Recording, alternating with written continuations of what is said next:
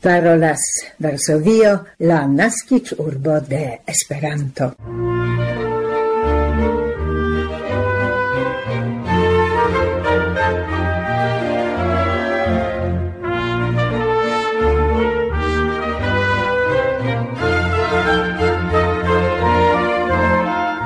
Coran saluton, gesignoroi, en la 1297 Esperanto sendo de la Pola retradio la dudek kvinan de januaro 2012 kvar. Bonvenigas vin Barbara Pietrzak, Gabi Kosiarska, Milada Szwedo kaj Maciej Jaskot, proponante in la komenco kultur kronikajn informoin felietonon pri Koninda Polo, ci foje Michał Boim. Esperanto komunumajn informojn kiuj rilatas al planataj eventoj fisica kaj reta lime de februaro kai marto nunjare. Komence bonvolu aŭskulti kulturteman kronikon.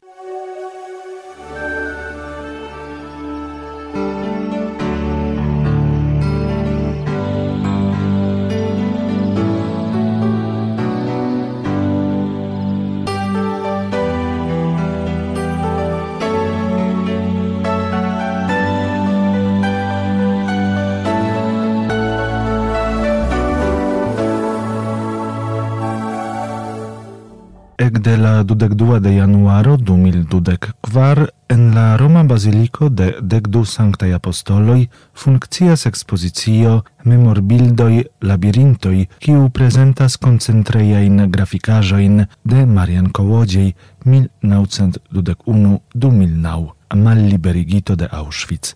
Gi estis organizita antautage de la sebdecnaua datreveno de la liberigo de la concentreio. La exposizio de Marian Kołodziej, plastikisto, teatra kaj filma scenografo, prezentas la tragedion de la koncentrejaj malliberigitoj, interalie Sankta Maximilian Kolbe kaj kavaleria kapitano Witold Pilecki. Li mem trafis al Auschwitz en la unua transporto la dek kvaran de junio 1940 al la drammecai concentreiai travivajoi li revenis quindec in poste, creante graficajoin cadre de la post-apoplexia terapio cae recapabligado. Li desegnis ilin per crayono ligita al la mano. En la dauro de dexes iaroi creigis ciclo La memorbildoi, labirinto.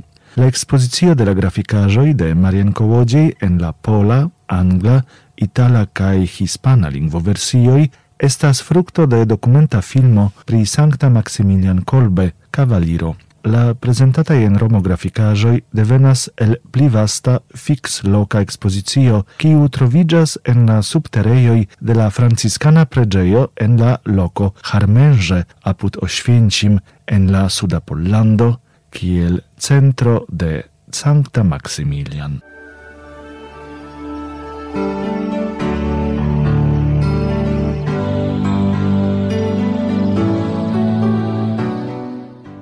Sur la usona libromerkato en februaro aferos Historio de la pola literaturo de Anna Nasiłowska. La polilingvan version de la verco aperigis la eldonejo de la Instituto de la Literaturaj Esploroj de la Pola Scienca Akademio en 2019 jaro. La libro estis bone acceptita de recenzantoj cae legantoi. Pasintiare, gia autorino, ricevis premion de la mondatrevuo Nowe Książki, Nowej Libroi, pro sia lauvica libro Mrożek, biografio la anglalingvan tradukon de la historio de la pola literaturo pretigis la loĝanta en Britio Anna Zaranko, kiu ankaŭ pasintjare estis premiita. Ŝi ricevis Found in Translation Award pro la traduko de La kamparanoj de la pola Nobel premiito Władysław Reymont. La publicajo dedicita alla historio de la pola literaturo en sia traduko aperos en la eldonejo Academic Studies Press en Bostono. Gi estas la unua post multaj jaroj kompleksa verko pri la pola literaturo sur la usona merkato. Pli frue aperis sur gi historio de la pola literaturo, autorita de Czesław Miłosz.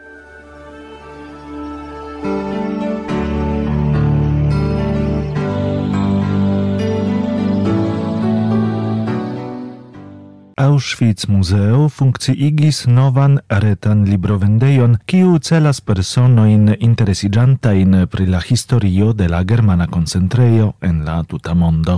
La cefa interfaco, kie legis nun, estas en la pola kaj angla lingvoj, sed la titoloj kaj priskriboj de unuopaj libroj estis prilaboritaj en dek kelkaj lingvoversioj. Dank al tio pli da clientoi el la tuta mondo povas conatigi cun multai museai el donajoi. Estis aldonita la eblezo aceti e libroin, inter kiui estas rememoroi de la savigintai personoi, popular scienzai prilaborajoi, educ libroi. Disponigeblai estas fotoi pri la tereno de la exa concentreio. En pli ol la sesdeciara historio, la musea eldoneio publicigis pli ol quarcent titoloin. Pli multo estas plurlingva, la plei popularai trovigas en pli ol dudec lingvo versioi. Germanoi instalis la concentreion en 1940 por poloi. Du jaroin poste creigis Auschwitz-II-Birkenau, kiu farigis extermeio por judoi. Inter la victimoi estis ankaŭ romaoj, sovetuniaj militkaptitoj alinaciai mal liberigitoi. En 1947 sur la terreno de Auschwitz cae Auschwitz II Birkenau, estis establita museo.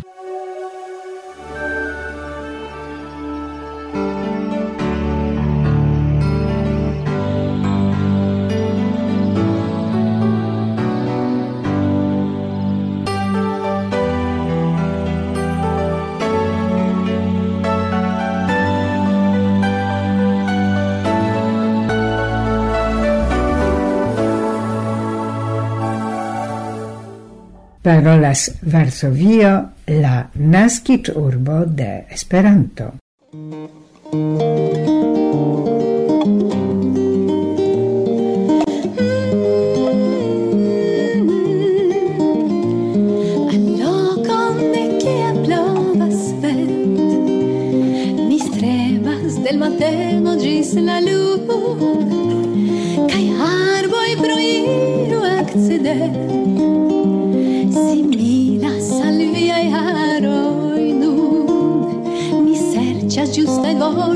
Ori spremi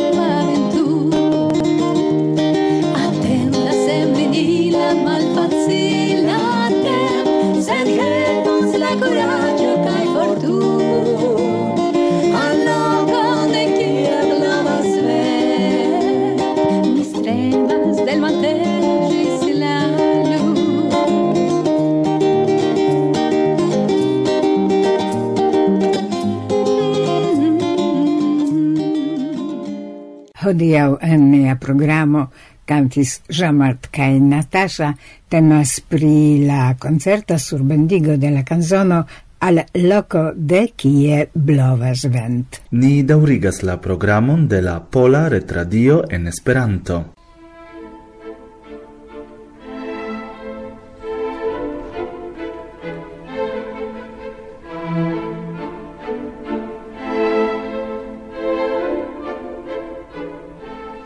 antau nelonge ne informis pri restauro de la figuro de Cristo por Boim Capello en Lvovo. Tiu ci historia manierisma tombo capello de Boim familio estis fondita de veninta el Hungario Diordi Boim, commercisto cae urboconsilisto, sekretario de regio Stefan Batori. Edziĝinte al Jadwiga Niżnikowska li eniris en la medion de riĉaj burĝoj kaj urbokonsilantoj de Vovo.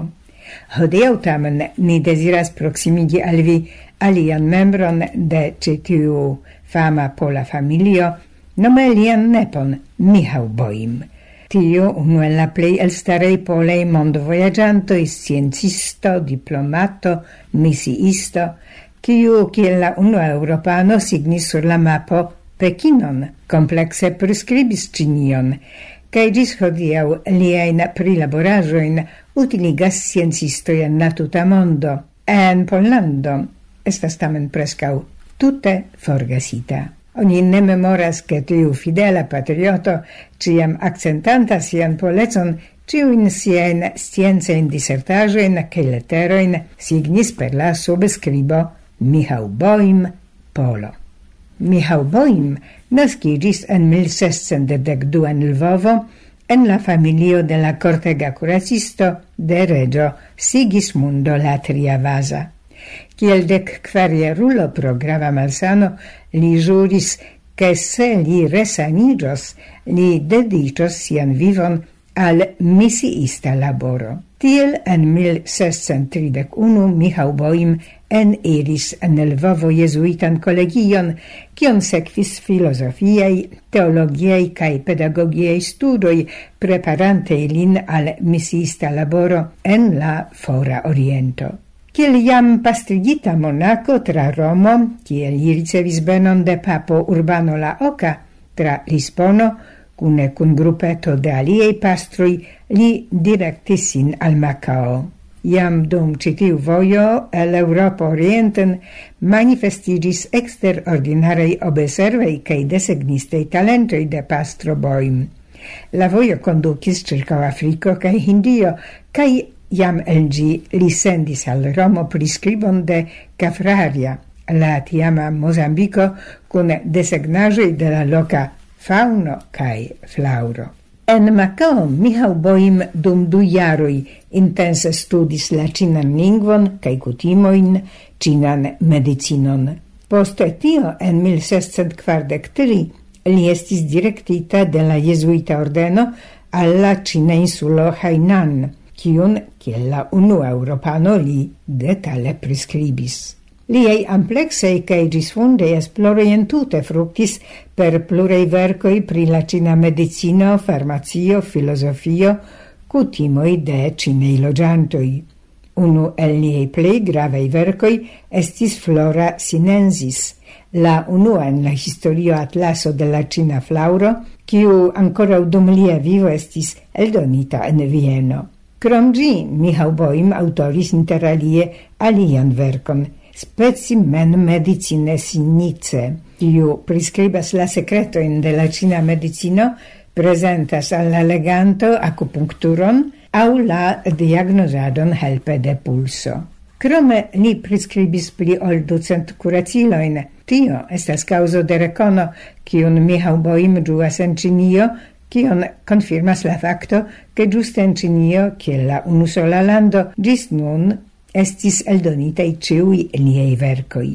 Ca ja al ili apartenas ankaŭ lia ĉina atlaso, nun troviĝanta in la Vaticana Biblioteco.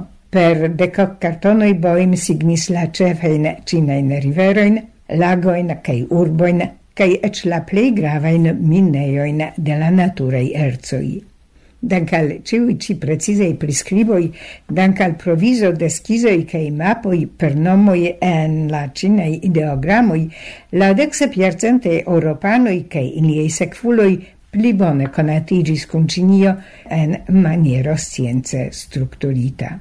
Cetere ancau dank al ni confirmisis la legendeza gistiam informo che in la oca iarcento in Cinio existis la unua in citiu lando cristana fluo, nestorianismo. Pastro Michał Boim persone voyagis al Xi'an en la provinzo Shanxi, kie en 1625 estis malcovrita mistera stelo, con surskribo en la lingua cina kaj siria, kiuj prescribis la historion de Nestorianui. Boim faris ĝian skizon cae traducon de la texto el la en latinon, kio esis la unua cirilata materia pruvo.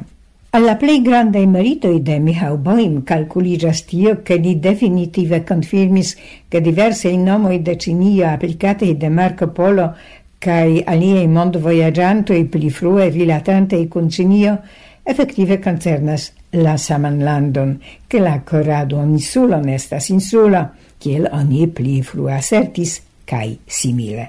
Post la conquero de Hainan fare de Manciuroi en 1647 Mihau Boim kiel misiisto iris al Tonkin.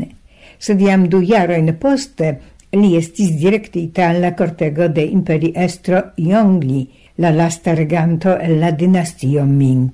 Tio nestis facila periodo, la lando dronis en la interna milito, kio curagigis la atacemon de manciuroi.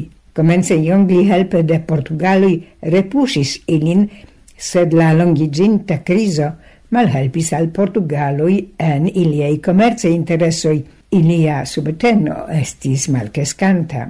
La minga cortego ciel doclopodis reakiri ilian subrenon cae samtempe firmigi sian povon, ciel uno el la rimedoi estis cristanigo de la imperiestra cortego, en ciu iam iui membroi de la imperiestra familio agnoscis sin catolicoi. Longi mem, ne convertiginte, tamen esperis aciri subtenon de Romo cae de la cristana Europo. Necesis tamen diplomatiei clopodoi che la rilata missio al Vaticano. Ciel comisi ito estis electita Michał Boim. Tiel li farigis la lasta sendito de la lasta indigena cina dinastio derivigianta el la popolo Han. Pastro Michał Boim kun cun Andrzej Cenk, cina cristano, electita flanke de Ming Cortego, kiel lia accompagnanto, laŭ la kontinenta atingis Smirna, nun Izmir en Turkio, de kie maravoje tra Venezio ini atingis Vaticanon.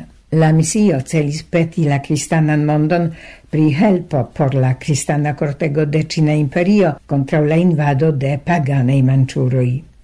Tiun helpon Vaticano rifusis. Papo Alexandro la Sepa benis Michał Boim por la revenvojo, certigante lin che cinan cortegon pri siei pregioi. Revenvoie boim haltis ancorau en Lisbono, che rencontiginte cun la Portugala regio Johano la li effective ricevis promesson de militista helpo por Cinio. Sed la reveno evidentigis pli dangera ol la unuan foion. Atinginte Goa, boim ricevis leteron de Jesuita superdulo en Macao, cun la informo che la situazio de imperi estro iongli estas catastrofeza cae che li perdas la povon. Oni malconsilis la revenon al Cinio. Pastro Michał Boim ne observis tamen tiun sugeston, decidinte al conduci sian mision kil gia loyala membro gis la fino. Li planis atingi la imperi estron iongli tra Tonkin, Silda condicio estis tre malfacilei pro la veterei condicioi cae ribelemo de superstizei maristoi. Tio ne malcuragigis pastron boim, ciu daurigis la malfacilan revenon. Iui fontoi sigas che li ne successis revidi la imperiestron, la aliai che tio ocasis comence de 1659, ciam iong ligiuis momentan vencon super manciuroi, Baldau tamen estis tutece venkita kaj fugis al la najbara pegu. Michał Boim, uzante en Cinio la nomon Miko Che Yuen, finis sian teran vivovojon en augusto de la sama jaro do antau 360 kvin jaroj oni dire pro el cerpigio cae zorgoi. Lia tombo loco ne estas conata por longe forgesigis la memoro pri misiisto, diplomato, ciu flanque etnografo, cultur malcovrinto, botanicisto, autoro de multei basei vercoi, correctantei misinformoin pri Cinio, creiginten post la expedizio de Marco Polo.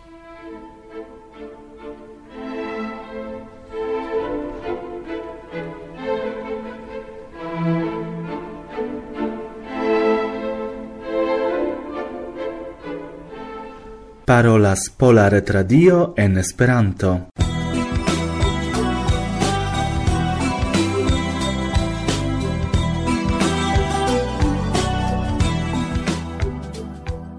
Inter la 26 de februaro kaj la 9 de marto 2024 okazos la dekvara internacia Himalaja renkontiĝo 2024 bonvenai estas personoi kiu volas comenci lerni Esperanton dum la rencontigio. La programo de la rencontigio antauvidas la unuain cae lastain tagoin en la valo de Katmanduo, kie trovigas la cef urbo de Nepalo. Ci foie la organizantoi celas presenti la culturon kaj vivmanieron de homoi en la mesokcidenta parto de Nepalo.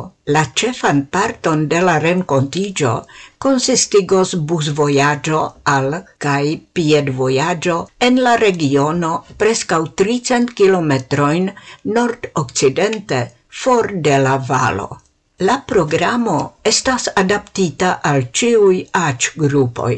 Oni loĝos en bonkvalita hotelo en Katmanduo kai komfortaj gasteioi au tendoi dum la piedvojaĝo.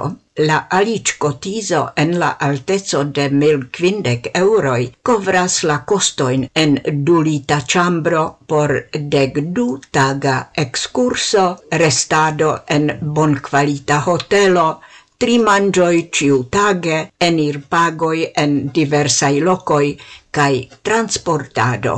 La preso ne inclusivas asecuron. La cotizo ne estas profitcela, multai servoi estos faritai volontule de nepalai esperantistoi. Aligilon necessas sendi al Nepala Esperanto Asocio, cae samtempe pagi la cotizon. Detaloi, inclusive de la TAC programo, trovigas en la pagio de la eventa servo eventaservo.org obliquo e obliquo quardec nau co unu co do.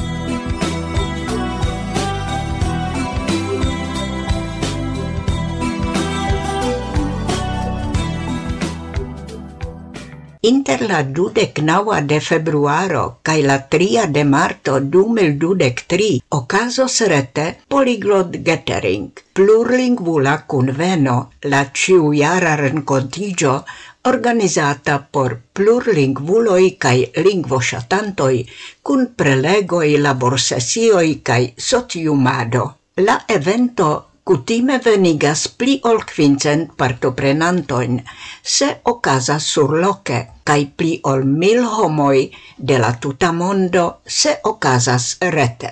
Dum la tago ocasas prelegoi pri diversai temoi, metodoi de lingvo lernado, presentoi de unuopai lingvoi, cae tiel plu.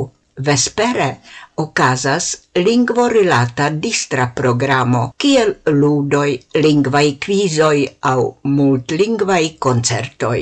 La ĉefa komuniklingvo estas la angla, sed gine estas deviga, kaj prelegoj okazas ankaŭ en aliaj lingvoj, ekzemple la germana, franca, hispana, itala, rusa aŭ en Esperanto.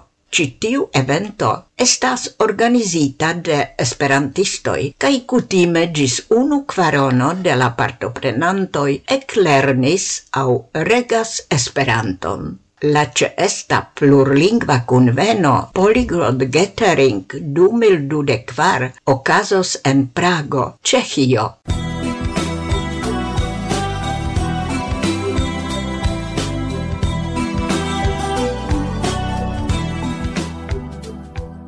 Gesinjoroj ni proksimiĝis alla fino de nia hodiava Esperanto-elsendo al Varsovio.